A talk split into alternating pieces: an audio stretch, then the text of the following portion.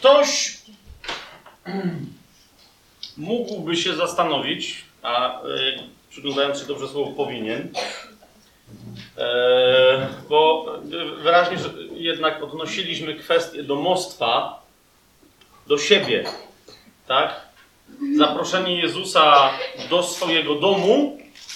E, tam ktoś mi zresztą na to zwrócił uwagę, że traktuje, że dlaczego ja to traktuję tak szybko przejściowo, przecież ja jestem za tym, żeby pismo czytać dosłownie i literalnie. Dlaczego ja robię jakiś taki szybki przeskok, że jak ktoś zaprasza Jezusa do swojego domu w Ewangelii, to że to też oznacza zaproszenie go do swo- swojego serca, czy zasadę, że powinno się traktować w ten sam sposób.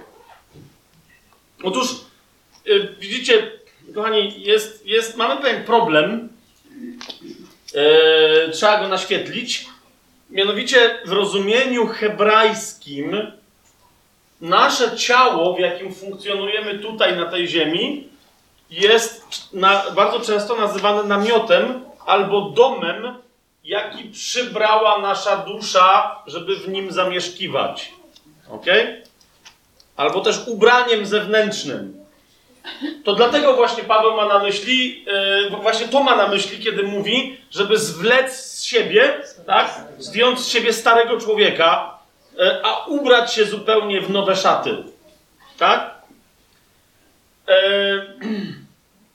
ale też w zasadzie prawie za każdym razem, zwłaszcza jeżeli to jest Jan albo Paweł, kiedy czytamy o domostwie, o przybytku, o, wiecie, budowli, o domu, nawet i o domu Bożym, czyli o świątyni, zasadniczo każdy, kto się posługuje takim językiem, ma na myśli ciało. Pamiętacie Jezusa, który powiedział, zbóżcie te świątynie.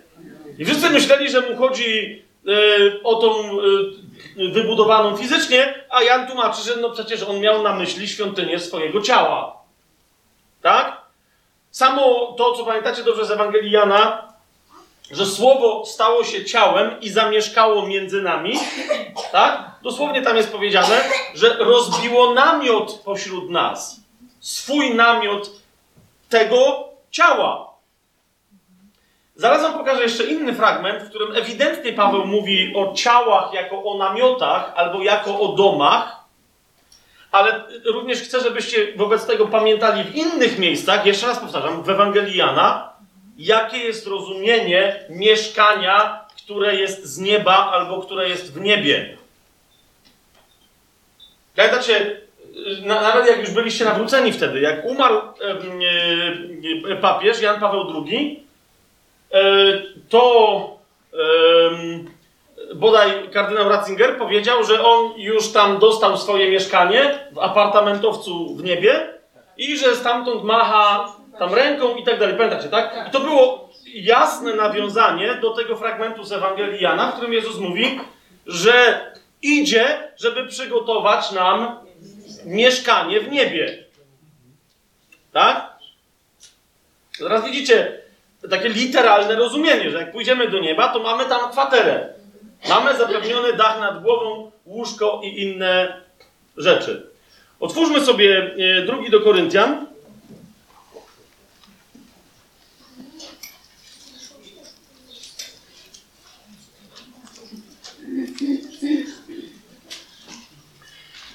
Widzicie, Jezus, kiedy powiedział, że idzie nam przygotować mieszkanie w niebie, stąd yy, zaraz zobaczycie, dlaczego, dlaczego mówię takie rzeczy, jak ta, którą zaraz powiem, miał na myśli, tak, że wybiera się, żeby każdej i każdemu z nas przygotować życie w zmartwychwstałym ciele. Po prostu. Tak? Te mieszkania, które mamy w niebie, to są te mieszkania, które dostaniemy w zamian za te mieszkania. Piąty rozdział drugiego listu do Koryntian, sobie otwórzcie. Dokładnie na ten temat, dokładnie tego rodzaju językiem mówi Paweł o naszych ciałach. Zauważcie, od początku piątego rozdziału. Drugi list do Koryntian, piąty rozdział od pierwszego wersetu. Paweł mówi: Wiemy bowiem, że jeśli zostanie zniszczony ten namiot naszego ziemskiego mieszkania, widzicie to? Co ma na myśli? Śmierć fizyczną. Wiemy bowiem, że jeśli zostanie zniszczony ten namiot naszego ziemskiego mieszkania, to mamy budowlę od Boga. Dom nie ręką uczyniony, wieczny w niebiosach. Widzicie to? Teraz to jest owo ciało, które otrzymamy w momencie zmartwychwstania. To ciało duchowe, o którym Paweł pisze w pierwszym do Koryntian 15 rozdziale. I Paweł pisze dalej, dlatego w tym, w czym? W tym namiocie, w tym ciele, dopóki znajdujemy się w tym, dlatego w tym wzdychamy, pragnąc przyodziać się w nasz dom z nieba. Czy widzicie to? Oczekujemy zmartwychwstania naszych ciał. To jest nasze oczekiwanie. Tak? jeżeli jest powiedziane, że jedyne czego pragnę to mieszkać w domu Pana, rozumiesz, to jest oczekiwanie na powtórny, de facto oczekiwanie na powtórne przyjście Jezusa, ponieważ wraz z Nim co się stanie?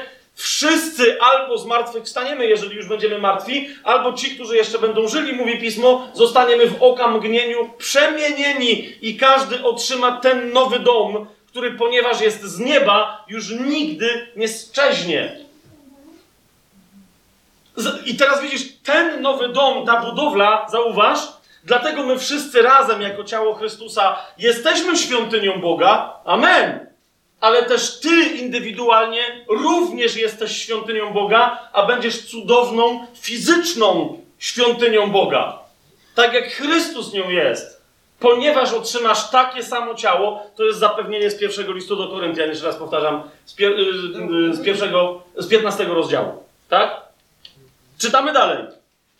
Więc mówi, dlatego w tym wzdychamy. Widzicie, to jest to, o czym Dawid mu jeszcze nie wiedział, ale prorokował. Mówi, o to jedno się modlę i o to tylko będę zabiegał, żeby tylko i wyłącznie tym żyć, na tym być skoncentrowanym.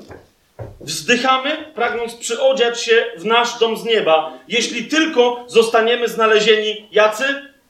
Odziani, a nie nadzy. Pamiętacie, jak mówiliśmy o pierwszym do Koryntian trzecim rozdziale? To jest to dostaniesz i będziesz się cieszyć nowym domem z nieba, ale jest tam jakiś problem z tymi, którzy się okażą nadzy zamiast przyodziani. Tak? Najwyraźniej takie otrzymamy, teraz wiem, że już się zapędzam trochę daleko, ale jeżeli mamy otrzymać nagrodę, a tą nagrodą jest, wszyscy będziemy zmartwychwstali, tak? Ale najwyraźniej funkcjonowanie nasze w tych ciałach będzie zależne od tego, to, to będzie nasza nagroda, tak? Co będziemy mogli, jak będziemy mogli funkcjonować, jaką chwałę my będziemy Bożą reprezentować e, na ziemi, nad iloma miastami Pan będzie nas mógł postawić, tak? Kto będzie wierny w rzeczach małych, tego nad wieloma miastami postawię. W jednej z przypowieści mówi Pan Jezus, tak? Nie, że nad wieloma rzeczami, nad, czy nad wielkimi rzeczami, ale nad wieloma miastami tego kogoś postawię. Bo my, czytamy dalej, nie będę się teraz to, za, za, bo nie chcę, żeby ktoś na tej podstawie jakąś teraz doktrynę sobie kombinował. Tak? No, zostawmy to na razie, bo istotne jest to, co dalej. Bo my, którzy jesteśmy w tym namiocie, wzdychamy obciążeni, ponieważ nie pragniemy być rozebrani, ale przyodziani, aby to, co śmiertelne, zostało wchłonięte przez życie. A tym, który nas do tego właśnie przygotował, jest Bóg, który nam także dał ducha jako zadatek. I teraz czytamy dalej.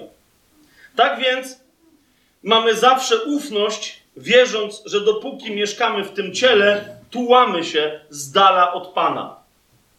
Rozumiesz, chrześcijanin nowonarodzony doświadcza zbawienia, pewności uwolnienia od kary za swoje grzechy, ale nadal musi pamiętać, że dopóki mieszka w tym namiocie, a więc w tym ciele, nawet jeżeli Pan w nim żyje, to wciąż on się tuła z dala od Pana.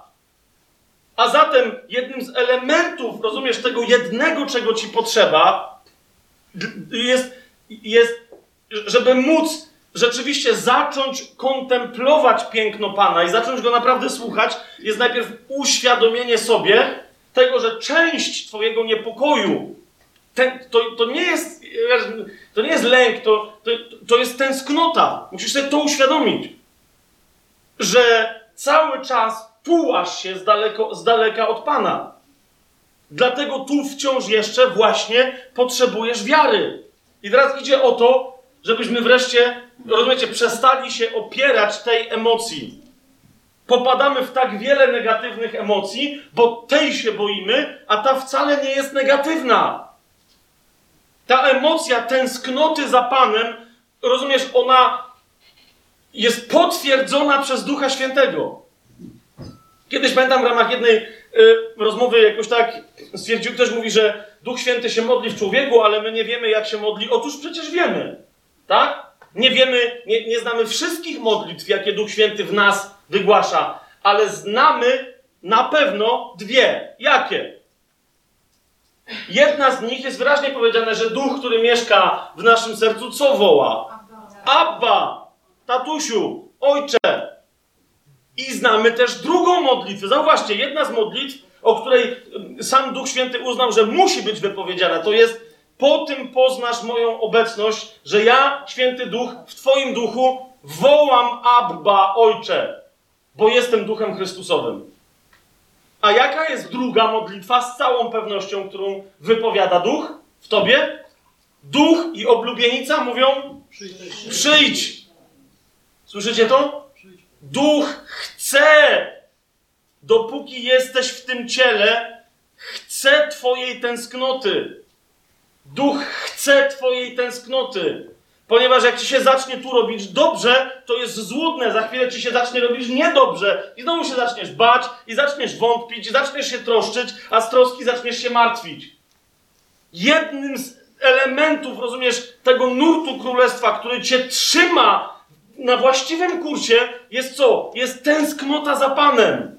Tu jest wyraźnie powiedziane, że w piątym wersecie tym, który nas do tego właśnie przygotował, jest Bóg, który nam dał ducha jako zadatek.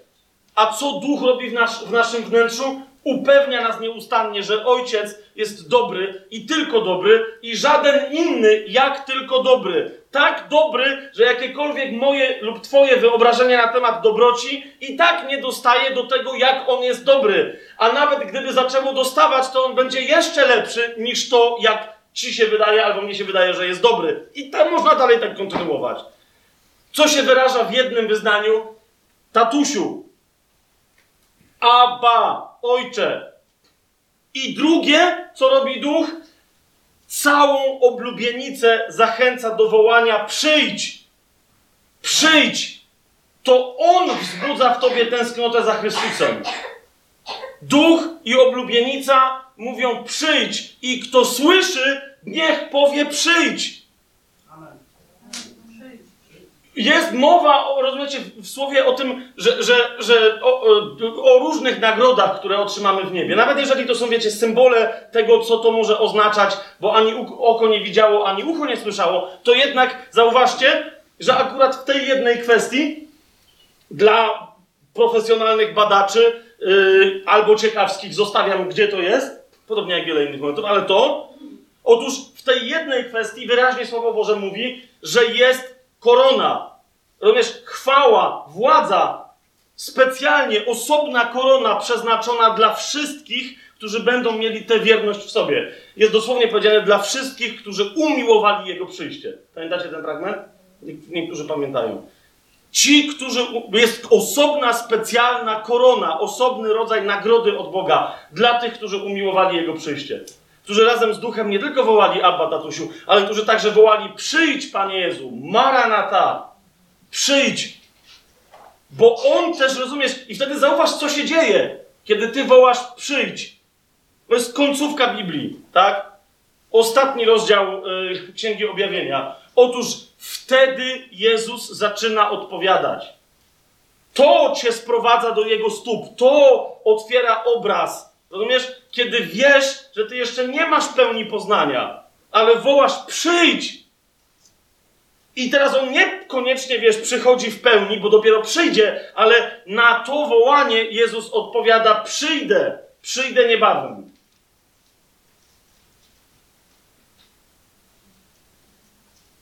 Mamy zawsze ufność, zauważ, to jest gwarant ufności, mamy zawsze ufność, wiedząc, że dopóki mieszkamy w tym ciele, tułamy się z dala od Pana. Kiedy masz tęsknotę za Panem i wiesz, że na tej ziemi jesteś wciąż tułaczem, to cię trzyma we właściwym pionie i we właściwej trzeźwości.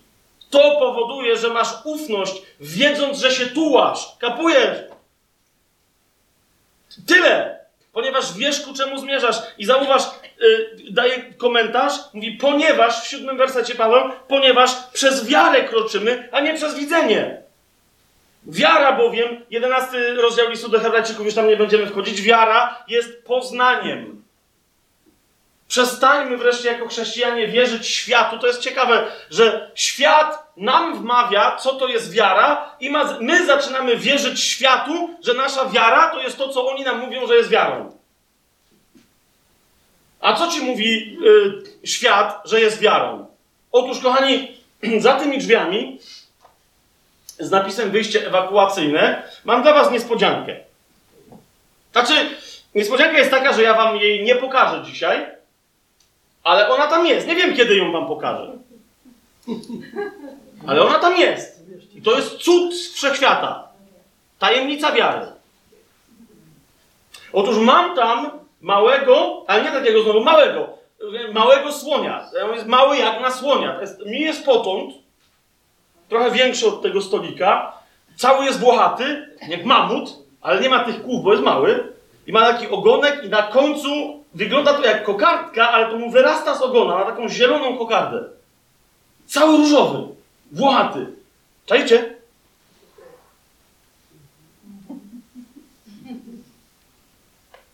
Uwierzcie. To jest to, co świat mówi. Rozumiesz, jak mi uwierzysz, uwierz mu na słowo. To to jest wiara. Jesteś chyba głupkiem. Tyle tylko, że jeszcze raz, no dobra, otwórzmy sobie to. Listu Hebrajczyków. Naprawdę, to trzeba zobaczyć na własne oczy, tak? Zobaczcie, o, tu jest jeszcze lepsze tłumaczenie. Jedenasty rozdział listu do Hebrajczyków. Wiara to nie jest wierzenie komuś na słowo. On coś powiedział i ty mówi, okej, okay, super, fajnie masz. Wierzę, że tak, jak powiedziałeś, tak jest. Nie! Wiara jest rodzajem zamknięcia oczu ciała, a otwarcia przez ducha oczów Twojego ducha. Dzięki któremu to otwarciu masz poznanie. Zobacz, 11 rozdział, pierwszy werset. Wiara jest podstawą tego, czego się spodziewa, spodziewamy i dowodem tego, czego nie widzimy. Rozumiecie, co się dzieje? Warszawskiego wyznania. Nie, nie, nie mów, co jest warszawskie. Nie, nie mów. Jest warszawska, jest cudowna, ale nie mów, co tam jest. Wróćmy do drugiego, do Koryntian, do piątego rozdziału. Dlatego przez wiarę kroczymy. To wiecie? Czyli kroczymy dzięki poznaniu tego, co niewidzialne. Dzięki pewności tego, czego się spodziewamy, czego gwarantem jest Jezus. O czym nas zapewnia Duch Święty. A nie ludzie. Jacykolwiek. Dlatego też wiecie, e, myśmy tutaj w przerwie mieli e, rozmowę, tak? I wie, wiecie, ona już zaczęła zmierzać w taką stronę, że albo ja wierzę w to, a wy wierzycie w tamto, a pani coś tam, a pan i tak dalej. E, no mi, jak, jak najszybciej chciałem, żebyśmy, to nie ma żadnego znaczenia. Bo możemy się przerzucać słowami i tak dalej. Idzie o to, że jeżeli Duch Boży kogoś przyprowadził sercem do poznania, to on nagle ma to poznanie. Prawda? On nagle ma to poznanie. Tyle. Co jest interesujące, kto ma autentyczne duchowe poznanie, bardzo często nagle jest rozpoznany przez ludzi religijnych, że ma demona. Kapujecie? Nagle ty przychodzisz i mówisz, słuchaj, ej, ale prawda jest, i mówisz, patrz, no Pismo Święte, to jest przecież jasne, to, to, to. Ktoś na ciebie patrzy i mówi, Szatan. Szatan cię opęta, to jest pewne. Otóż, kochani, nie ma co się za bardzo i za łatwo pocieszać i wiecie, że o, super. Ale w pewnym sensie, jeżeli ktoś z was, pewnym sensie, nie bierzcie znowu z tego i nie róbcie doktryny, ale w pewnym sensie, jeżeli ktoś z was nigdy nie doświadczył takiego oskarżenia, że szatan cię opętał, demona masz, to jeszcze czegoś nam brakuje. Nie, znaczy, nie, nie, pierwszy raz mnie nie o to chodzi, żeby teraz niektórzy, ej, powiedz, że mnie szatan opętał. Nie, ale, yy, bo rozumiecie, Jezus powiedział wyraźnie, jeżeli mnie to uczynili, to i wam to uczynią. Nie jest uczeń ponad jego mistrza. Będzie mieć to samo. A Jezus był pierwszym, którego o, o, oskarżali i to nie raz, że ma demona. Że mocą Belzebuba, nawet jak wyrzucał złe duchy. Rozumiecie? Religijni ludzie mówili, o, to nie, to są fałszywe znaki, szatan sam się wyrzuca. Jezus mówi, no jak tak jest, to super, no to już wygraliście. No bo jak szatan sam się wyrzuca, no to rozumiecie, wreszcie się nieopatrznie sam siebie zgromi, tak? Okej, okay, wróćmy tutaj. Piąty rozdział drugiego do, Korynta, do, do Koryntian, siódmy werset. Przez wiarę więc kroczymy, a nie przez widzenie. Mamy jednak ufność, czytamy dalej, i wolelibyśmy raczej wyjść z ciała i zamieszkać u Pana. Widzicie o co mi chodzi? To jest to samo, co mówi Dawid. Na niczym innym mi nie pragnie, tylko żeby wreszcie zamieszkać w domu pańskim. Żeby oglądać Jego piękno, kontemplować Jego oblicze. I żeby się od Niego uczyć.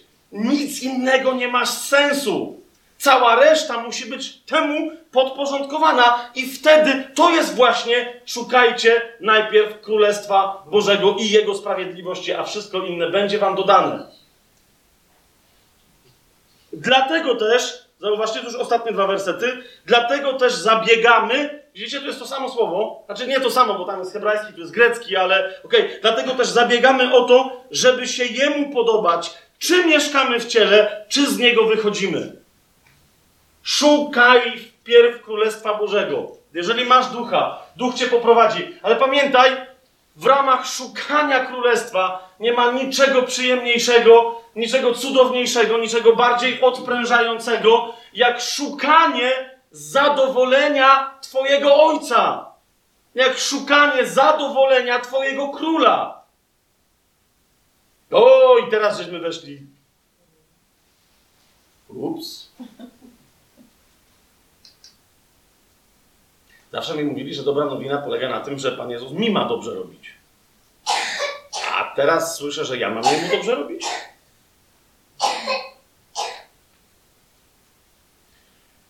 A przecież Jezus mnie kocha.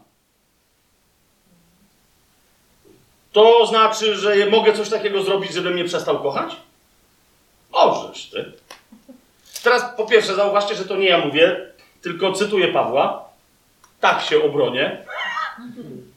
A po drugie, czas najwyższy, żebyśmy w chrześcijaństwie skończyli z bredzeniem, ok, które normalny, niewierzący człowiek, jakby go usłyszał, to by nie wiedział o co chodzi. Skąd nam się to bierze? Słowo daje. Masz ojca, dobrego ojca, dobrze wychowuje swoje dzieci. Kocha te dzieci. Tak? Kocha te dzieci jeden z dzieciaków zaczyna ćpać. Powiedz mi, to jest dla ciebie jakoś niezrozumiałe, że ten ojciec jest niezadowolony z tego, że syn ćpa? Czy jest to dla ciebie jakoś niezrozumiałe? To jest oczywiste, tak? Dlaczego jest niezadowolony, że syn ćpa? Bo go kocha! Tak? Czy go przy...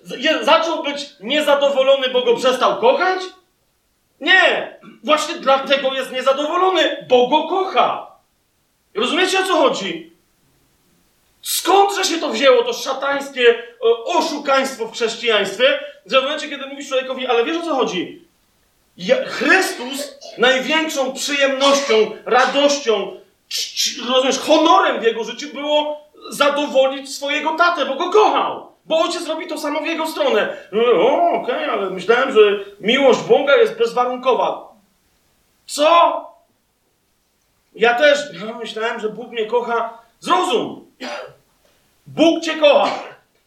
Ale może cię nie lubić. Dobra, żartuję. Teraz się... Tego bym już nie obronił. Bóg cię kocha i nie zmieni się nic w Jego miłości do ciebie.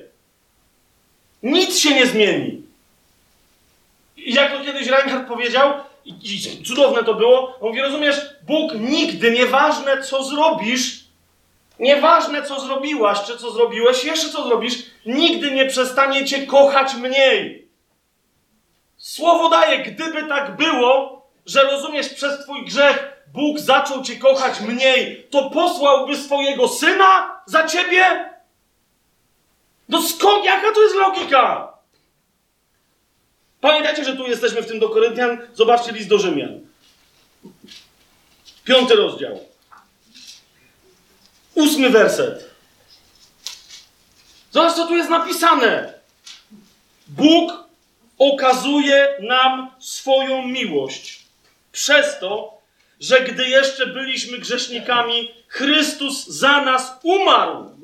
Dziesiąty werset. Jeżeli bowiem, będąc nieprzyjaciółmi, zostaliśmy pojednani z Bogiem przez śmierć Jego Syna, tym bardziej, będąc pojednani, będziemy ocaleni przez Jego życie. Widzicie to? Nic się nie zmieniło w miłości Ojca i nic się nigdy nie zmieni. Ojciec nigdy nie będzie Cię kochać mniej. Nigdy. Nie o tym mówimy. Nigdy. Nawiasem mówiąc, cudownością tej dobrej nowiny jest, że Bóg kocha mnie i ciebie tak bardzo, że rozumiesz, już bardziej się nie da, więc też nigdy nie będziecie kochał bardziej. Mamy to? Bo jest takie hu, hu, hu, hu. Bóg jest sam w sobie miłością, rozumiesz? I On cię kocha całym sobą. Kocha cię w nieskończony sposób. Rozumiesz, że jak cię kocha w nieskończony sposób, to tam nie ma granicy, to znaczy nie może bardziej, bo jak pomyślisz, że jest bardziej, to się okazuje, że on już tam jest. Jasne jest to, co mówię? Ale jeszcze raz. Ponieważ jego miłość do mnie i do ciebie jest tak genialna, tak wielka i tak stateczna jednocześnie, że się nigdy nie zmieni, to też i dlatego jego spodziewanie wobec ciebie jest tak wielkie, jak wielka jest jego miłość. Rozumiesz? On się spodziewa po tobie. On oczekuje. I teraz nie chodzi o to, że ty masz być, wiesz, jak dziecko y, y, tatusia, wiecie, takiego zadufanego w sobie, albo niezadufanego, może właśnie niepewnego w sobie, tak, ale tatusia, który chce, żeby jego dziecko było jego przedłużeniem. Tak? I ja bym poszedł na studia, ale nie poszedł. Ale haruje ciężko, żebyś ty mogła pójść. A ty mówisz, ale ja lubię owce hodować. Nie ma takiego kierunku. Jest! Akademia Rolnicza. Wystarczy, że pójdę do Juhasa, naprawdę mi więcej powie szybko. I zacznę, wiesz, owce hodować w wieku 19 lat, a nie 27. Ale, no rozumiecie o co mi idzie, tak? Jak mówimy o tym, że ojciec się czegoś spodziewa, to automatycznie zauważcie, kolejna diabelska robota. Co się w nas odpala? Że to znowu, czyli on coś chce, ja teraz nie wiem co. Jeszcze raz zrozum, że on jest nieskończoną miłością. I teraz, jeżeli stworzył ciebie, a stworzył na swój obraz i na swoje podobieństwo, to znaczy, że stworzył cię jako genialny, niepowtarzalny, absolutnie wyjątkowy pod każdym względem i w każdym wymiarze cud, którym chciał zachwycić cały wszechświat. Obczaj sytuację. Będziesz. Rozumiesz? Możesz po, po, na, na chwilę. Kapujesz.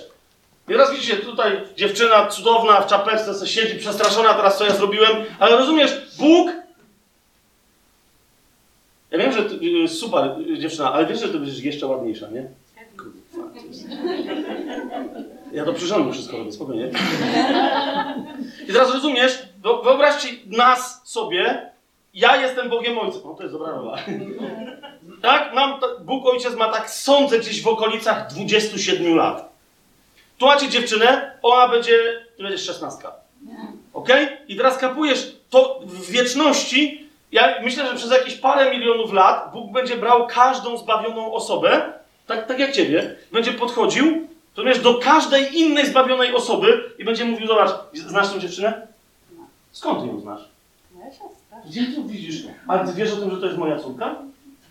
Jest, rozumiesz? Po, popatrz, po, popatrz jaka ona jest cudowna. Rozumiesz, rozumiesz to?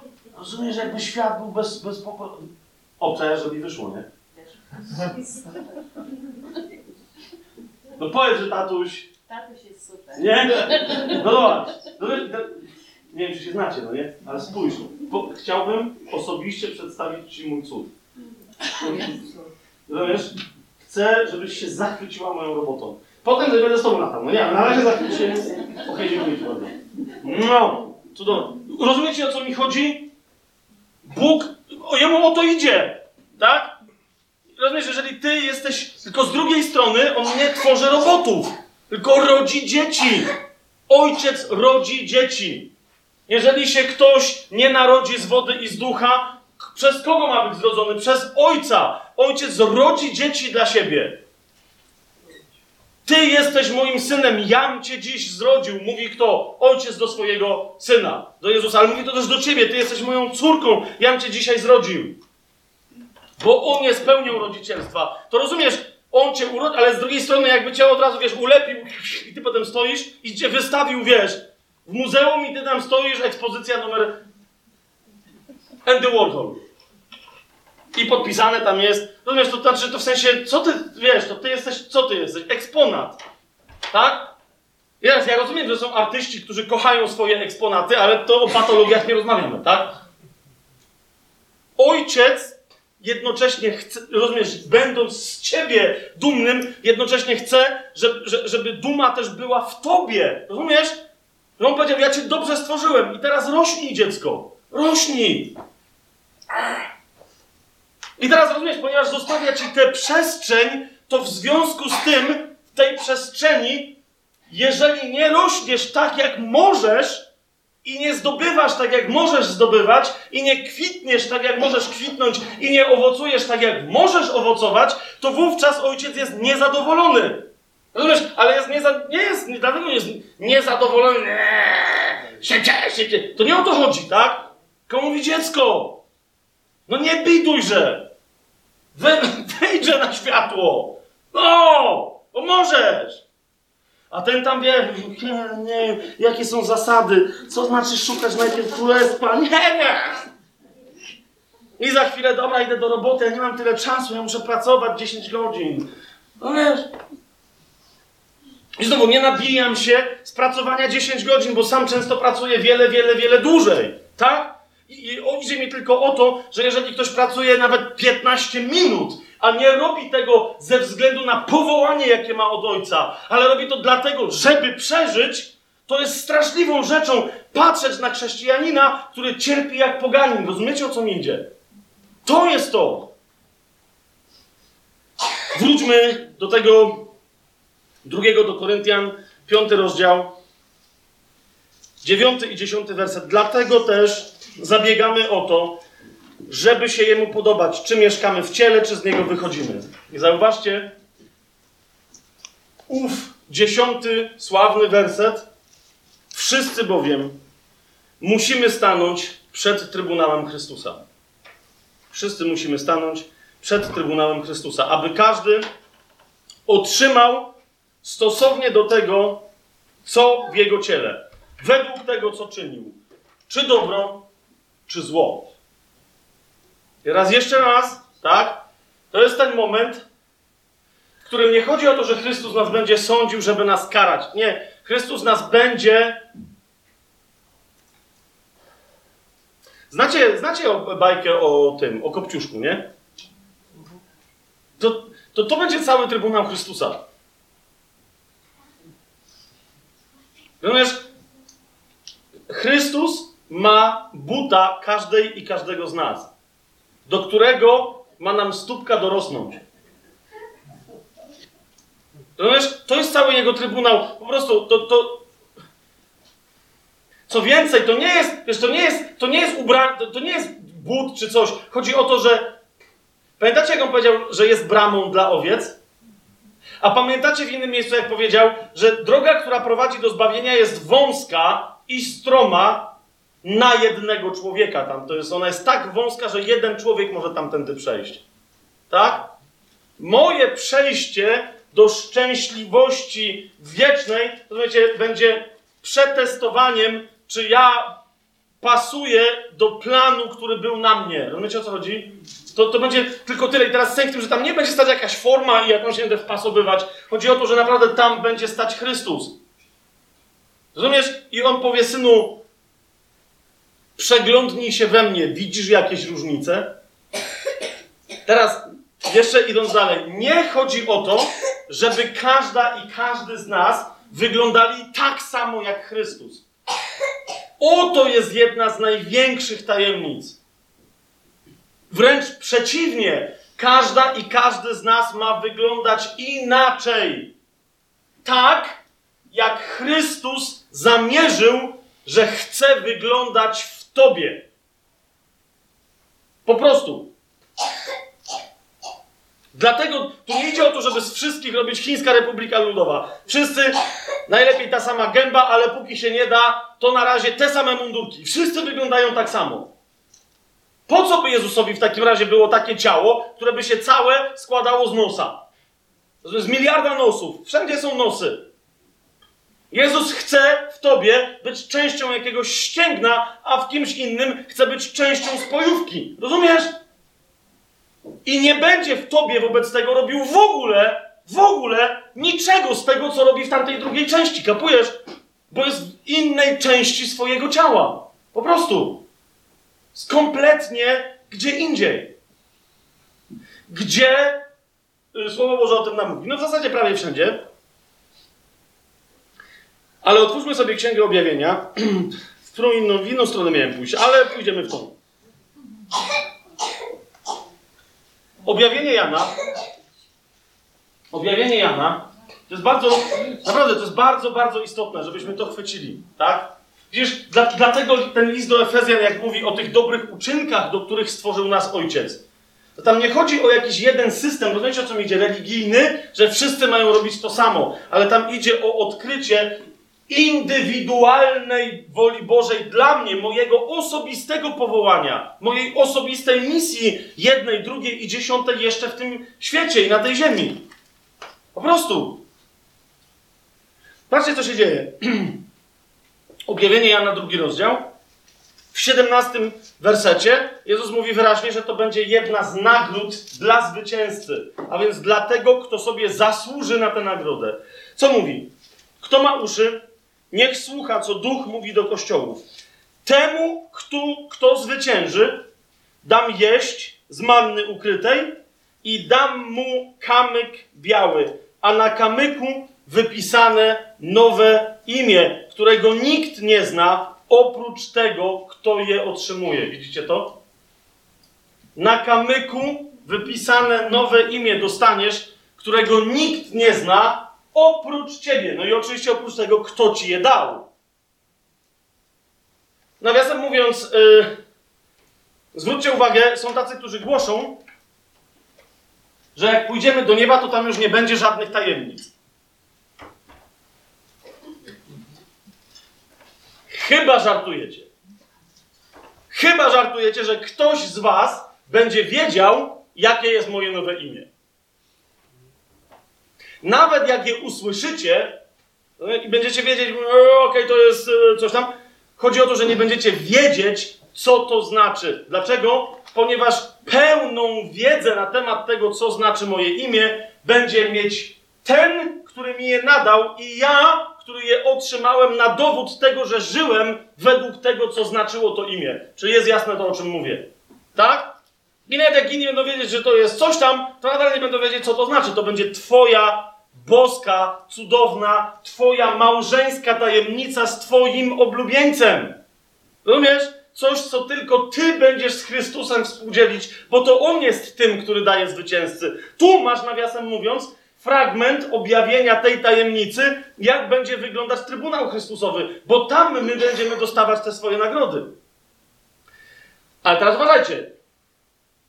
W paru, w paru miejscach mówiłem, ktoś mi kiedyś zwrócił uwagę i mówi, yy, dobra Fabian, jest tu napisane, że na kamyku dostanie wypisane nowe imię, którego nikt nie zna oprócz tego, który je otrzymuje, ale jest inny fragment zaraz dalej, trzecim rozdziale, w którym to nowe imię, chyba to nowe imię, się pojawia i coś psuje twoją koncepcję.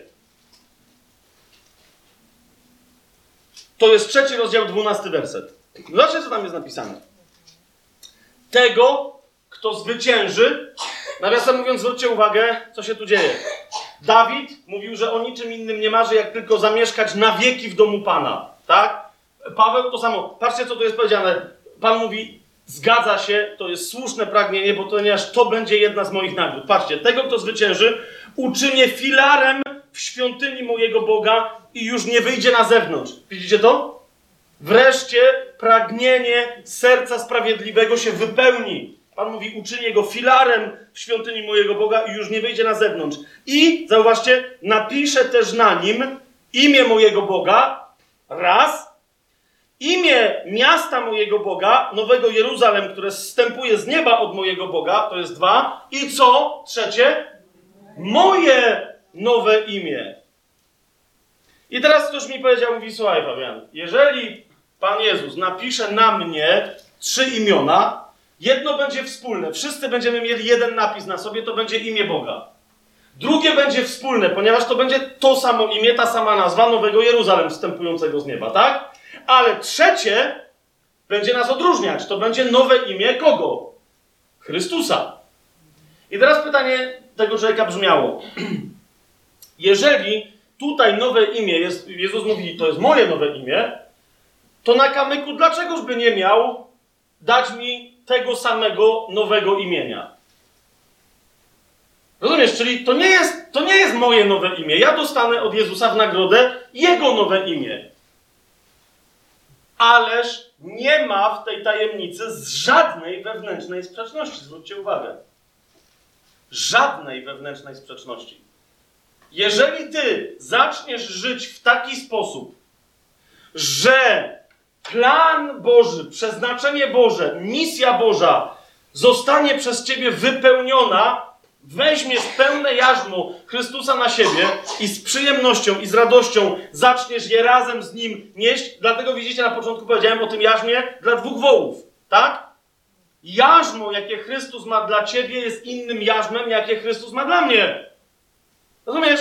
Z tobą chadza innymi drogami niż chadza ze mną. Otóż Chrystus, uważaj, to jest tajemnica, centralna tajemnica królestwa. To jest tajemnica Chrystusa w nas, nadziei naszej chwały. List do Kolosan. Chry, tajemnica Chrystusa w nas jest tajemnicą Chrystusa w tobie i we mnie. Chrystus w każdej i w każdym z nas żyje na nowo, wykonując kolejną misję, naznaczając swoją tożsamością naszą tożsamość. Kto wreszcie zaczyna to rozumieć i tak żyć, może wreszcie powiedzieć za Pawłem: Już nie ja żyję, ale żyje we mnie Chrystus. I teraz rozumiesz, Paweł dlatego powiedział w pewnym momencie, i to nie tylko do jednego kościoła, mówi: Naśladujcie mnie. Dlaczego? W jakim sensie? Żeby robić to samo co Paweł, to jest bez sensu, tak? Jemu o coś innego zupełnie chodziło. Mówi: Naśladujcie mnie w czym? W takim właśnie przyjęciu Chrystusa. Chrystus w każdej i w każdym z nas chce być kompletnie kimś innym.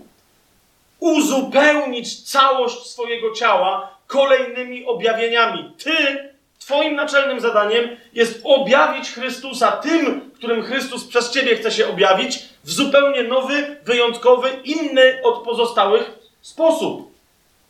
Pamiętacie, jak spotkał Szawła, Szaula pod Damaszkiem Jezus? Co mu powiedział? Tam było wyraźnie powiedziane, że Szaweł prześladował kogo? Kobiety i mężczyzn, wyznawców tej drogi. Nawiasem mówiąc, tam się zaczyna w Piśmie Świętym. Ja, to musiało być powiedziane, Duch Święty o tym wiedział, bo inaczej by się znaleźli tacy, którzy by powiedzieli, że w kobietach Pan Jezus nie mieszka.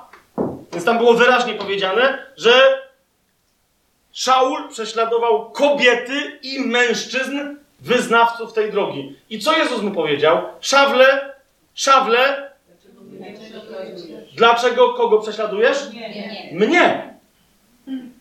Widzicie, całe głoszenie Pawła później to było objawienie tej tajemnicy, którą Jezus mu wyjaśnił już w tym jednym zdaniu. Tylko później dopiero do pa- Pawła dotarło, co się stało. Jeszcze raz posłuchajcie. Szaweł prześladuje kobiety i mężczyzn, a Jezus mówi: Nieprawda, mnie prześladujesz. W nich. W każdej kobiecie, na którego podnosisz rękę, nie podnosisz rękę, ręki na tą kobietę, podnosisz rękę na mnie. W każdym mężczyźnie, na którego podnosisz rękę, nie podnosisz ręki na niego, podnosisz rękę na mnie. I on mówi, panie, ale ja cię nie znam, a Jezus mu jeszcze raz mówi. Masz problem, przyjacielu, że mnie nie znasz, ale mnie prześladujesz. Rozumiecie, że nikt inny, tylko ten człowiek później miał prawo powiedzieć, że Kościół jest ciałem Chrystusa, w którym my jesteśmy poszczególnymi członkami i częściami członków. Jeszcze raz. Chrystus napisze na tobie swoje nowe imię, ale da ci też kamyk, na którym będzie napisane tak, jego nowe imię, ale które równocześnie będzie twoim nowym imieniem. W każdej z tych kobiet i w każdym z tych mężczyzn, których Szaul prześladował, inaczej wola Boża się chciała objawić i się objawiała. A jednak do każdej z tych osób Chrystus się przyznał: To byłem ja, to byłem ja, to byłem ja, to byłem ja, to byłem ja i to też byłem ja. Za każdym razem, szawle, prześladowałeś mnie. Rozumiecie, że Jezus jest precyzyjny i powiedział, jak chciał co innego powiedzieć, powiedziałby, szawle, czemu prześladujesz mój kościół? Szawle, czemu prześladujesz moje kobiety i moich mężczyzn? Szawle, dlaczego prze prześladujesz wyznawców mojej drogi? Nie powiedział tak. Jeszcze raz, co powiedział? Szawle, dlaczego mnie prześladujesz? A zatem rozumiesz, ostatecznie szukać najpierw Królestwa Bożego i Jego sprawiedliwości w swoim życiu, to jest zadanie poszukiwania woli Bożej dla mnie. Nie tylko takiej, która mnie jednoczy z innymi, ponieważ imię tego samego Boga będzie na tobie wypisane, ponieważ imię Nowego Jeruzalem, które jest naszą ojczyzną, o której marzymy, do której tęsknimy, z której duchowo pochodzimy i gdzie chcemy w końcu wylądować, będzie na nas wszystkich wypisane. Dlatego cały Kościół może się modlić, przyjdź. Ale następnie będzie na tobie wypisane to imię nowe Jezusa, które tylko ty, to, myślę, że to samo, które będzie na kamieniu, które tylko ty znasz i on. I nikt inny nie będzie wiedział, o co w nim chodzi. To jest jedno z najważniejszych zadań. Mieszkać w domu Pana, oglądać Jego piękno, słuchać Jego nauki, zawsze zmierza do, do prostego pytania, kim Chrystus chce się objawić światu przeze mnie. To jest najważniejsze, rozumiesz? To jest szukanie Królestwa Bożego, nie jakieś zewnętrzne zasady. Królestwo Boże bowiem to nie jest sprawa tego, co się je i pije. I jak niektórzy mówią, no właśnie, bo Królestwo Boże to nie jest sprawa rzeczy fizycznych. Dlaczego gadasz, że kiedyś Królestwo przyjdzie fizycznie? Zobaczcie cały kontekst tamtego rozdziału w liście do Rzymian. Tam jest wyraźnie powiedziane o tym, że ludzie z chrześcijaństwa zaczęli z powrotem robić religię i tłumaczyć, tego nie wolno jeść, to jest ofiarowane demonom. Z drugiej, a się popisywali, a ja to mam gdzieś, ja jestem wolny, innych dobra. I Paweł mówi, królestwo to nie jest robienie kolejnej religii, pseudoduchowości. Królestwo bowiem to jest miłość, sprawiedliwość, pokój w Duchu Świętym. Amen? Miłość, sprawiedliwość, pokój w Duchu Świętym które są realizowane w Tobie przez Ciebie. Jeszcze raz. Nie ma to nic do rzeczy, że ktoś obok Ciebie żyjący i funkcjonujący ma jakieś tam wyobrażenie, co to znaczy robić dobre rzeczy i je wykonuje. To się zapytaj, czy Bóg Ciebie powołuje do takich samych dobrych rzeczy. Tak? Jeżeli w pewnym momencie Bóg powie mojej żonie i mnie, żebyśmy pojechali do Afryki, żeby przygotowywać ludzi, którzy już dzisiaj są gotowi, żeby jechać, głosić Ewangelię do tych krajów e, muzułmańskich, w których zagłoszenie Ewangelii, za samo wypowiedzenie imienia Jezus jest kara śmierci z miejsca. Tak? Jeżeli Bóg nam to powie, to mam nadzieję, że będziemy wierni temu wezwaniu i tam pojedziemy. Tak? Ale jeżeli oprócz tego pojawi się obok mnie nieszczęśliwa żona jakiegoś nieszczęśliwego chrześcijanina, który jest jej nieszczęśliwym mężem i powie, mu, powie mi, ale macie zarąbiście. Mi też Bóg powiedział, żeby z wami jechać. Mhm. Tak? No tak mi się wydaje, bo jestem tak zafascynowana tym, co wy robicie, że po prostu... Serio? No jakże może być inaczej? Ale bez męża? No o to chodzi. Czujecie, co się dzieje? Coś mi się nie zgadza. Jak ja bym się dowiedział, że ja mam jechać bez mojej żony do Afryki, albo by mi Bóg wyjaśnił w 16 tomach, o co to dokładnie chodzi, albo to nie Bóg mówi. Kapujecie? Bo, bo, bo, bo co Bóg złączył, tego niechże człowiek nie rozdziela. No a teraz, jeżeli Bóg coś złączył to dla, i zabrania rozdzielać to człowiekowi, to sam by to za chwilę miał rozdzielać? No to królestwo jest wewnętrznie niespójne, a zatem to nie jest królestwo Boże, ale Belzebub. Tak? A więc jeszcze raz, dla jednych pojechać do Afryki, pomagać misjonarzom, czy nawet zostać misjonarzami jest dokładnie tym, o co chodzi, a dla innych byłoby grzechem. Kiedyś, jak się ktoś na mnie rzucił, że co ja w ogóle mówię, jakim zaszczytem jest oddać życie Chrystusowi. I teraz moim pytaniem jest: OK, ale zaszczytem jest oddać życie Chrystusowi tak, jak ty chcesz, czy tak, jak on chce od ciebie wziąć? Rozumiecie, co ja mówię? Wyobraźcie sobie, że taki Szczepan zamiast zdecydować, że oto to jest moment, kiedy ma głosić do końca, wycofałby się z głoszenia. Tak? Bo by powiedział, ale to jacyś Żydzi mnie zaraz ukatrupią, co się będę wynurzał? Ja bym chętnie zginął z rąk, z rąk Turków. O! Ale tu swoich braci... A! Rozumiecie? Ale w nim nie ma czego, on po prostu robi to, nawiasem mówiąc słowom, daje wyraźnie świadectwo, że jest pełen ducha, tak? Robi dokładnie to, co Bóg chce, żeby zrobił. I zauważcie, co się dzieje. Myślę, niektórzy też mi, mi mówią, że a, za bardzo się podniecasz w tym miejscu, ale słowo jest precyzyjne. Słowo Boże wszędzie mówi, że Chrystus zasiada po prawicy Ojca. Amen? A jakiego Chrystusa widzi Szczepan, kiedy oddaje swojego ducha? Stojącego. Rozumiecie, co się dzieje? Chrystus wstaje ze swojego tronu, żeby powiedzieć: Przyjdź, przyjacielu, mam dla ciebie ten kamień, bo wiesz, jakie jest twoje imię. Bo przestałeś kalkulować po swojemu. Wstaje, żeby go uczcić. Rozumiesz? I nie ma żadnej innej wartości, która mogłaby być większa od tego. Że Chrystus da nie żaden święty Piotr. Piotrek tam siedzi, wiesz, rozumiesz, no nie? On ma swoją, swoje do roboty. On będzie sądzić pokolenia Izraela. Ma to obiecane podobnie jak reszta apostołów. Jezus wstanie, żeby cię przywitać i przekazać ci twoją nagrodę. O to idzie. List do Filipian sobie otwórzmy. Trzeci rozdział.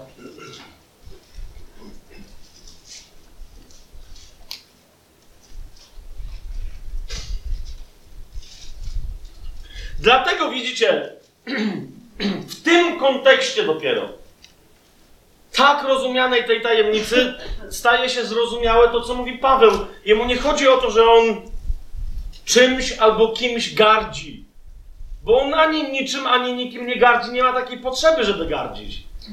Ale w tym kontekście świ- światła Chrystusowego, miłości Ojca, w tym kontekście, w trzecim rozdziale listu do Filipian, w siódmym wersecie i w następnych mówi: To, co było dla mnie do tej pory zyskiem, ze względu na Chrystusa uznałem za stratę.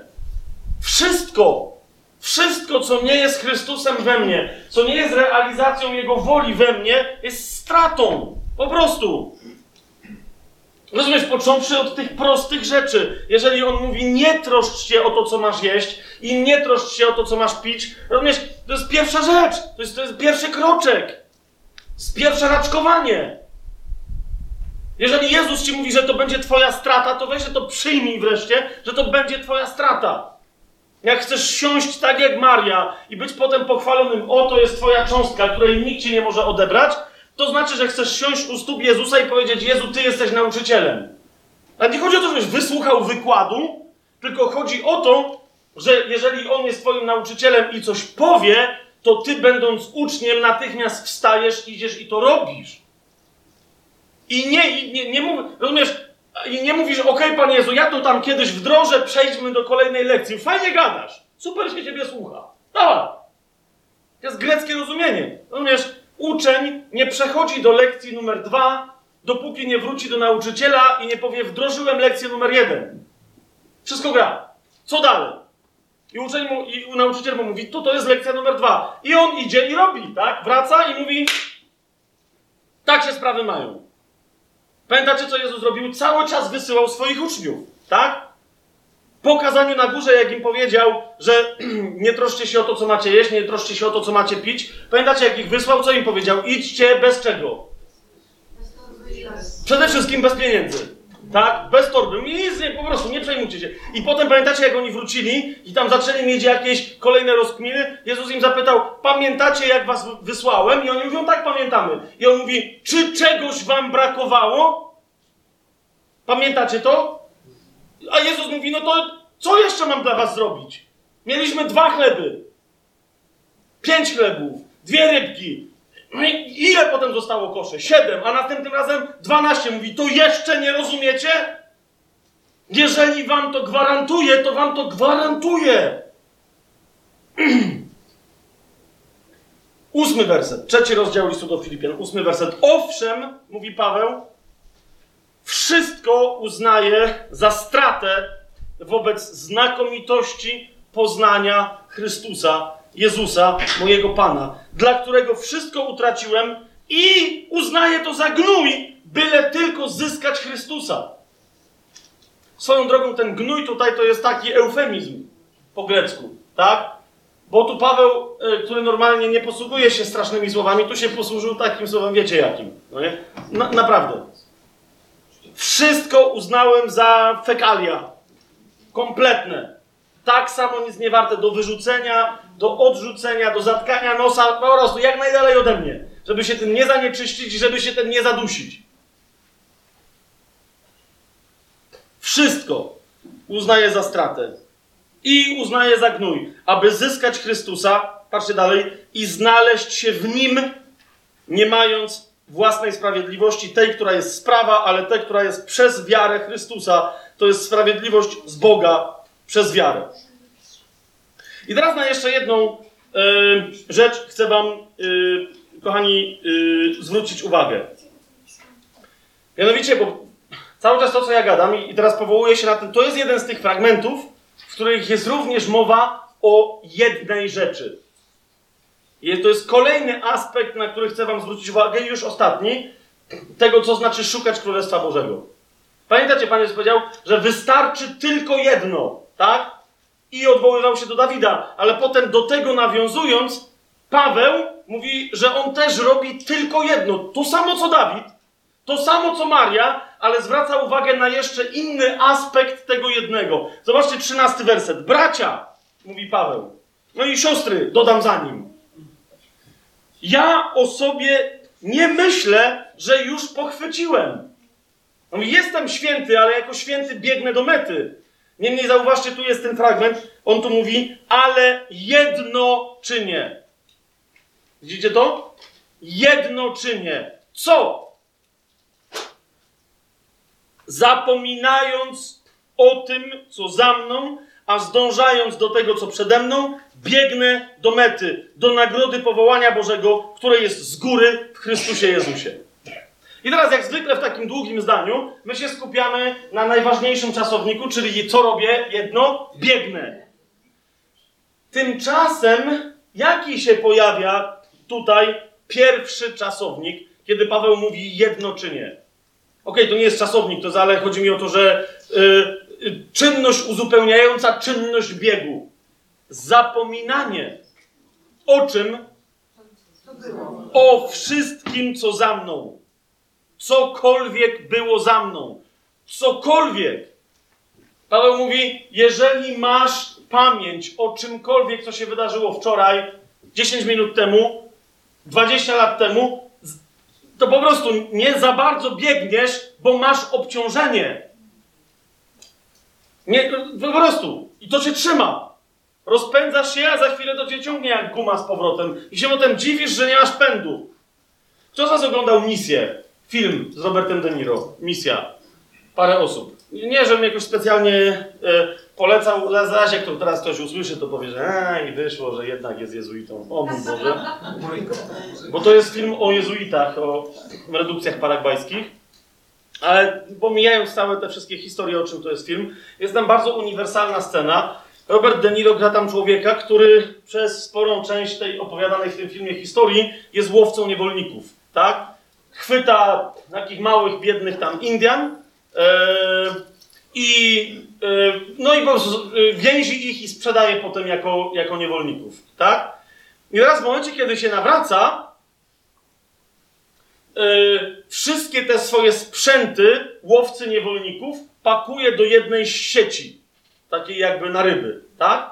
Ale wiecie, jakieś rapiery, części zbroi, jakieś tam, no po prostu masę żelastwa, tak? Więc ma taką, wiecie, taką kupę tego żelastwa za sobą i mówi do tych tam jezuitów, którzy idą tam pracować z tymi yy, Indianami, że on chce iść z nimi.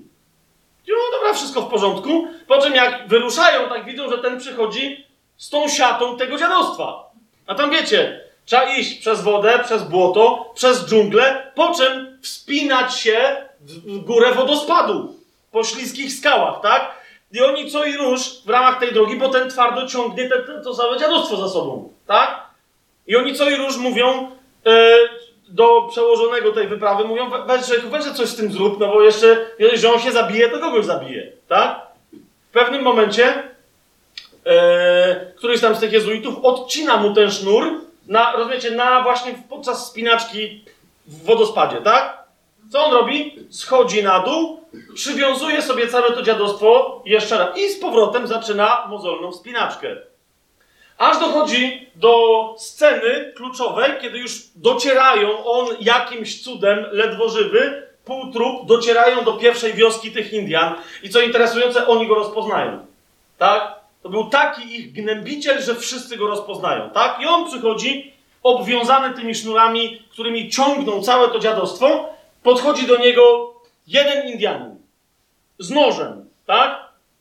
I on jest przygotowany. Mówi, no okej, to mi się należało, tak? Z całym tym syfem, którym gnębiłem tych ludzi, co więcej, ja im nie mogę zwrócić ich bliskich. Wiecie, wiecie o co idzie, tak? Jak komuś porwał żonę, dziecko, co... i teraz, wiecie, oni gdzieś tam są w Europie, to co on teraz miał zrobić, tak?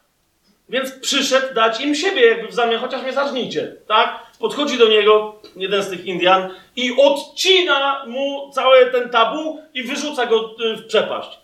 I to jest moment, kiedy on już za tym dziadostwem nie biegnie. Rozumiecie, o co mi chodzi? Pada na ziemię i wreszcie, doświadczywszy przebaczenia, zapomina o tym, co było za nim. Nie tylko o tym, co ktoś mu zrobił, ale zapomina o swoich winach, ponieważ wreszcie skutecznie zostały odcięte. Powiedz mi, jakim prawem rozpamiętujesz swoje przeszłe grzechy, swoje przeszłe wstydy? Jakim prawem rozpamiętujesz sytuacje i wydarzenia, w których ktoś podniósł na ciebie rękę albo głos i uczynił ci krzywdę, kiedy Chrystus dokonał tego cięcia znacznie bardziej skutecznie niż tamten Indianin w tej historii na tym, na tym człowieku? Jakim prawem? Jakim prawem, żyjąc dalej, ja nie tylko mówię o momencie sprzed nawrócenia, ale jakim prawem, jako chrześcijanin, rozpamiętujesz coś, co się wydarzyło w historii po Twoim zbawieniu, Twojego życia? Jakim prawem nosisz w sobie urazy, kapujesz, o, ktoś coś przeciwko Tobie powiedział? I zamiast go błogosławić, jak mówi Pismo Święte, to co prawda go nie przeklinasz, gdyż nie jesteś aż taki zły, ale chodzisz i mu pamiętasz. Jak, I potem mówisz, cóż znaczy szukać najpierw Królestwa Bożego, a Paweł mówi wyraźnie, zapominając o tym, co za mną, a zdążając do tego, co przede mną. Cokolwiek zostaje w Twojej pamięci, co Cię przywiązuje, jak taka guma, która Cię ciągnie wstecz, a zwykle jest to uraza, zwykle jest to jakaś rana, która nie została odcięta przez przebaczenie. Rozumiesz, zwykle to jest to. To to są rzeczy, o których masz zapomnieć. Ale również uważaj, nie tylko to, również te wszystkie rzeczy, które rozpamiętujesz, jakby w nich cały czas tkwiła moc ta sama, która w nich tkwiła, kiedy ty byłaś albo byłeś tam. Przeszła chwała. Pamiętacie, jak o tym mówiłem? Przeszła chwała to jest jedzenie kup gołębich. W którymś tam dzisiaj o tym mówiliśmy, tak? To jest przeszła chwała. Czy Bóg był w nawiedzeniu, kiedy przyszedł do ciebie i coś tam się wydarzyło cztery lata temu? Oczywiście, że był. Oczywiście, że był. Czy masz o tym zapomnieć? Nie, ale masz o tym zapomnieć, jakby stamtąd miało pochodzić cały czas Twoje dzisiejsze objawienie. Ponieważ On Ci dał tamto objawienie jako objawienie siebie, a nie jako objawienie, na którym masz cały czas bazować. Powiedział Ci wtedy coś, potem powiedział coś, a dzisiaj chce Ci znowu coś powiedzieć. Jezus powiedział, ja, ja się nie powiedział nigdy, ja się pamiętam cały czas, co mi tatuś powiedział, jak wyszedłem z chrztu. Coś takiego powiedział? Nie. On mówi, cały czas jestem wpatrzony w Ojca. Patrzę, jak On działa i tak ja działam. Kto mnie widzi, dlatego mówi, widzi Ojca, ponieważ za każdym moim krokiem widzisz, jak Ojciec chodzi. Z każdym moim gestem widzisz, jak Ojciec gestykuluje. Z każdym moim słowem słyszysz, co Ojciec mówi. Jeżeli jesteś zafascynowana czy zafascynowany Ojcem i go kochasz, to cieszysz się z tego powodu, co ci powiedział wczoraj, ale łakniesz tego, co macie do powiedzenia dzisiaj. Amen? To o tym mówi Paweł. I teraz widzisz, tak żyjąc, co się dzieje? 14 werset. Możesz biec swobodnie do mety, do nagrody czego? Powołania Bożego, które masz z góry w Chrystusie Jezusie. Jeszcze raz. W wielu miejscach Nowe Przymierze mówi o powołaniu i rzeczywiście ma na myśli coś, co wspólnego nam wszystkim. Momentem naszego powołania jest wywołanie z ciemności i przeniesienie do Królestwa Chrystusa. Tak? Jak e, Paweł o tym mówi na przykład w liście do kogo? Kolosan. O Ojcu, pierwszy rozdział listu do Kolosan, 13 werset. Mówi, że Ojciec nas wyrwał z mocy ciemności i przeniósł do Królestwa swojego umiłowanego Syna. I tak, zgadza się, to jest pierwsze wywołanie. Pierwsze powołanie wywołanie cię z tamtego świata, tych doczesnych ciemności, a wprowadzenie do Królestwa Światłości, Królestwa Jego Syna. Ale w tym Królestwie masz kolejne powołanie, osobiste powołanie od Chrystusa, aby stać się tym, kim On chce przez ciebie być w tym świecie. Zatem, kochani, jeśli chcemy doświadczyć wreszcie, od tego dzisiaj zaczęliśmy, pogodzenia w nas, aktywności i odpoczynku, jeśli chcemy doświadczyć w nas wreszcie pogodzenia tego, zdawałoby się paradoksu, że ciężko pracujemy dla Chrystusa, a im ciężej dla Niego pracujemy, tym bardziej jesteśmy wypoczęci, a nie zmęczeni, to jedynym pogodzeniem tych wszystkich sprzeczności jest przyjęcie na siebie jarzma Chrystusowego, którym jest de facto i ostatecznie jarzmo Chrystusowego osobistego powołania. Otwórzmy na sam koniec, żeby tylko podkreślić pewną rzecz. Też tego nie przewidnie, nie, nie, ale okej, okay, to, się, to się przyda. Na sam koniec list do Hebrajczyków, czwarty rozdział.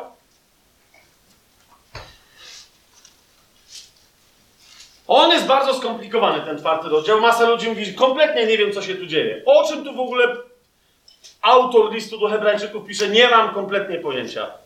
Ale jak o tym pamiętasz, że wycofanie troszczenia się o siebie, zrezygnowanie wreszcie, skręcenia się wokół własnej osi, jako własne centrum i orbita swojego własnego centrum, a oddanie się woli Ojca, żeby wreszcie Ojciec mógł we mnie i przeze mnie działać, powoduje, że chociaż Ty działasz tak, jak On działa, to jednocześnie masz nieustający szabat, który jest wolnością od działania. Zobaczcie, czwarty rozdział listu do Hebrajczyków,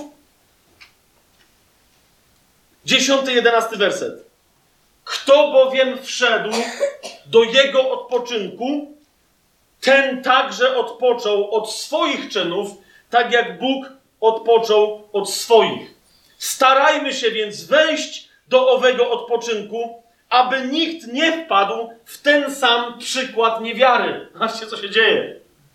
Paweł mówi, że ci popadają w niewiarę, którzy nie trwają w Bożym szabacie. A Boży szabat czym jest? Wejściem w uczynki Boże, żeby wreszcie odpocząć od uczynków swoich. Jeszcze raz popatrzcie, dziesiąty werset nawet. I dziewiąty werset. A tak, mówi, zostaje jeszcze odpoczynek dla ludu Bożego, tutaj tułającego się z dala od Jezusa. I na czym on polega? Jeszcze raz zobaczcie, to jest, kto bowiem wszedł do jego odpoczynku, odpoczął od swoich czynów. Widzicie to? Tak jak Bóg stwarzając cały świat przez sześć dni pracował, a w siódmym od tych swoich czynów odpoczął, tak my wreszcie mamy na zawsze odpocząć od swoich durnych czynów, starań, troszczeń się od swoich czynów, żeby wreszcie On mógł zacząć w nas i przez nas działać. Widzicie, co jest grane? A zatem rozpoczyna się w nas nieprawdopodobna aktywność, która jednocześnie im bardziej jest intensywna, tym bardziej my jesteśmy w szabacie. Tym bardziej my jesteśmy w szabacie. Im mocniej pracuje we mnie krzyż Chrystusa, tym bardziej to wykonane Chrystusowe dzieło i Jego krew, co powoduje, że przestaje pękać, a zaczynam się robić cały jeden nie do rozłamania. Ponieważ Chrystus przez swój krzyż, list do Efezjan, zniósł każdy rozdzielający mur wrogości i w człowieku, w jednym, także się podzielił na dwóch i w całej ludzkości. Tak? On bowiem jest naszym pokojem, naszym szalom. A jak powiedział mi jeden y, brabin teraz niedawno, jak byliśmy w Izraelu, on mówi, czy wiedziałeś o tym, że szalom znaczy nie tylko pokój, ale że to znaczy całość? Nie wiedziałem, ale to jest jeszcze lepsza nowina. Bo to znaczy, że w Chrystusie nie tylko mamy pokój, ale rozumiecie, mamy wreszcie scalenie, nie ma w nas już żadnego rozłamu wewnętrznego. Niczego, co by spowodowało troskę czy zmartwienie. Nie ma we mnie żadnej zmarszczki, ani skazy, ani pęknięcia. I znowu, to nie ja mam się wygładzać, żeby nie mieć zmarszczek. To Chrystus, jak zaczyna mnie wypełniać, to mnie odmładza. Chrześcijanie powinni umierać zdrowi. W podeszłych latach powinni umierać. Większość chrześcijan wciąż dzisiaj boję się, że ze mną też tak może być. Mam nadzieję i o to się modlę, żeby tak nie było. Ale masa chrześcijan dzisiaj umiera przedwcześnie. Umierają, bo już im się nie chce dalej żyć. Niektórzy naprawdę z gorącej tęsknoty za Panem, ale też połączonej z pogłębiającą się udręką tej pielgrzymki tu na ziemi. Ale rozumiecie, jeżeli Mojżesz umierał zdrowy i wielu innych patriarchów, wiecie się, Pismo wręcz mówi, że a był zdrowy. Dlaczego umarł? No bo skończył robotę. Rozumiesz? Śmierć ma być ogłoszeniem fajrant. Rozumiesz, te, fa, okej, robota skończona, fajrant. A nie, o, jest w ogóle nieporozumienie jakieś, tak? Chrześcijanie mają umierać wtedy, kiedy mają umierać, a nie kiedy już nie mogą. Po prostu. Masa chrześcijan umiera za wcześnie, tak? Z różnych powodów. Wielu chrześcijan umiera za wcześnie nie z własnej winy, ale ze względu na to, co się dzieje wokół nich w ciele Chrystusa. To jest też prawda. Wielu chrześcijan dzisiaj będzie mieć coraz większą, teraz powiem znowu dziwną rzecz, już mi się nie chce tego uzasadniać, tak? Ale wielu chrześcijan dzisiaj będzie przeżywać coraz większą intensyfikację różnych historii. Dlaczego? Bo jeżeli nasi bracia i siostry przed nami nie zdołali, żyli za krótko i nie wy- dokończyli pewnych swoich dzieł, ktoś je musi wykonać. I to, I to jest dla, nas robota. Czas najwyższy, kapujecie, przestańcie się już wreszcie cackać ze sobą i po prostu wejść w tę niezwykłą przygodę, nieporównywalną do niczego radość współpracowania z Ojcem. Kto z nas, dobra, niektórzy z Was teraz się odezwą zaś jakieś wspomnienia dziwne, szanuję to, ale nie będę za, za długo szanował. Ja zawsze jak byłem mały, wiecie, wolałbym nie chodzić do szkoły, naprawdę, a chodzić z moim ojcem do jego pracy. Wiecie, żeby patrzeć, co on robi, no nie? To jest szkoła. Po prostu patrzeć, jaki jest. Jeszcze jakby był w ogóle super gościem, a to i tak myślę, że i tak był bardziej super gościem niż ja dzisiaj, wiecie, sobie też wykoncypowałem swoje głupie tam jakieś koncepcje, tak? Ale jakby był w ogóle jakimś, wiecie, genialnym gościem, naprawdę, ja bym w ogóle szkołę bym podpalił, no nie? Ministerstwo Edukacji Narodowej bym chyba zniszczył. Gdyby to było warte tego, tak? Co jest lepszego, jak być z ojcem, rozumiesz, w jego pracy? Patrzeć, jak działa. I uczyć się od niego. Tak? Teraz wiesz, jeden jest stworzony do tego, drugi do tamtego. Ja bym chciał, żeby mój ojciec był rycerzem. Bym się naparzał. Wiesz o co mi idzie, nie? Gdzieś ci ludzie kiedyś uczyli się walczyć. Rozumiecie o co mi chodzi, tak? Nawiasem mówiąc, tu na tej sali wiem o przynajmniej dwóch rycerzach, którzy nawiasem mówiąc o sobie nie wiedzą, ale to potem się możecie poznać. To was potem po, no nie? Są tu ludzie, którzy no, dzisiaj się naparzają, to się na miecze. I teraz niektórzy jak o tym słyszą, myślą sobie, ale jak to? A jak se utnie palca? Cześć, a, a można tymczasem tak kogoś wychować, żeby nauczyć, walczyć, że nie utnie palca. Innym może uczyć, ale sam se nie utnie. Ktoś inny byłby stworzony do, nie wiem, do robienia mebli, tak? Czy tam, tak jak e, e, ziemski tata Pana Jezusa, co on tam robił? No to się pytam, co robił, a nie kim był? Ale macie białe wyobrażenie europejskie. O, krzesła, pewnie, jest takie pewnie robił. Na szwedzki bufet. Co robił? Narty robił, super, żartuję. Dachy, drabiny. Jakuba okay. Co do krzesełek, oglądaliście pasję y, Chrystusa według y, Mela Gibsona, że tak powiem? Tam jest tam taka świetna sytuacja, jak e, matka Jezusa się nabija, co, co ty robisz, no nie? To się nie przyjmie, no nie? On tam krzes, ja taką krzesełko robi, no nie? Nie, to się nie przyjmie. Świetna uwaga kulturowa, tak? Oni wtedy leżeli przy stołach, więc tam krzesełka robił. Ale te stoły tam może takie, w takich nóżeczkach, no nie? Były. I teraz rozumiesz, wyobraź sobie Jezusa, idzie z Józefem i tam wiecie, heblują, co tam stolarze robią, tam te wszystkie rzeczy pił, piłują, tam jakieś zbijają, jakieś... Rozumiesz? To idzie od dokładnie, czy masz taką relację, nie tylko czy wiesz, na modlitwie wołasz Abba.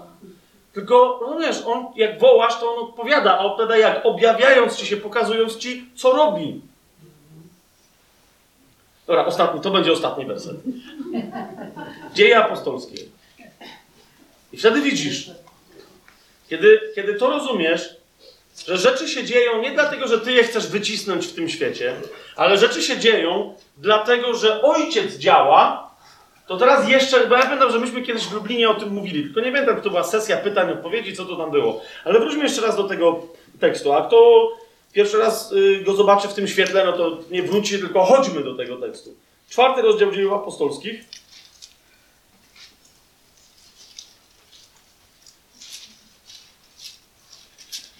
Czwarty rozdział, 29 i 30 werset. Kościół tam się modli po raz kolejny w obliczu rozpoczynającego się prześladowania. I Kościół tam wypowiada taką modlitwę, po której dochodzi do kolejnego zstąpienia Ducha Świętego, tylko tym razem nie pojawiają się im ognie nad głowami, ale yy, jak czytamy w 31 wersecie, gdy oni się modlili, zatrzęsło się miejsce, na którym zebrani, na którym byli zebrani i wszyscy zostali napełnieni Duchem Świętym i z odwagą głosili Słowo Boże. Otóż zauważcie, jak oni się modlą. To jest 29 i 30 werset. Oni mówią tak. A teraz, Panie, spójrz na ich groźby i daj sługom Twoim głosić Twoje słowo z całą odwagą, gdy Ty wyciągniesz swoją rękę, aby uzdrawiać i dokonywać znaków i cudów przez imię Twego świętego Syna Jezusa. O co prosi Kościół swojego Ojca? O odwagę. Powiadacie. Dobrze, żeby co? Żeby głosić słowo. W wyniku którego to głoszenia słowa ojciec wyciągnie rękę, aby dokonywać znaków i cudów. Zgadza się? Serio? Jeszcze raz. Słowo Boże jest bardzo precy- precyzyjnie. Zobaczcie, o co oni proszą. Ojcze, daj nam z odwagą głosić Twoje słowo. Kiedy? Wtedy, kiedy Ty wyciągniesz swoją rękę, aby dokonywać znaków i cudów. Widzicie, o co chodzi? Jeszcze raz, pamiętaj, jeżeli ojciec jest na pierwszym miejscu, to jest to, co chcesz widzieć. Rozumiesz? Ojciec wyciąga rękę i ty idziesz tam, gdzie on ją wyciąga, pod prawicę, ja tam lewicę wyciągam, tak? Wyciąga rękę i ty tam idziesz pod tą rękę, żeby pod tą ręką głosić słowo. Dlaczego? Bo wiesz, że ojciec chce uzdrawiać i dokonywać znaków i cudów. A cały Kościół dzisiaj, rozumiecie, wyłazi tam, gdzie sam chce i mówi, no wyciągnij rękę, bo z odwagą głosimy. Czy taka, to są dzieje apostolskie, czy taka była postawa apostołów, ewangelistów? Nie, duch przychodził i mówił Filipie, teraz będziesz głosił tutaj. Tak? Paweł szedł i mówi, idę do Macedonii. I co Duch Święty mu powiedział? Do Azji. Co Duch Święty mu powiedział? Zabronił mu. Rozumiecie o co mi chodzi? I on tego słuchał.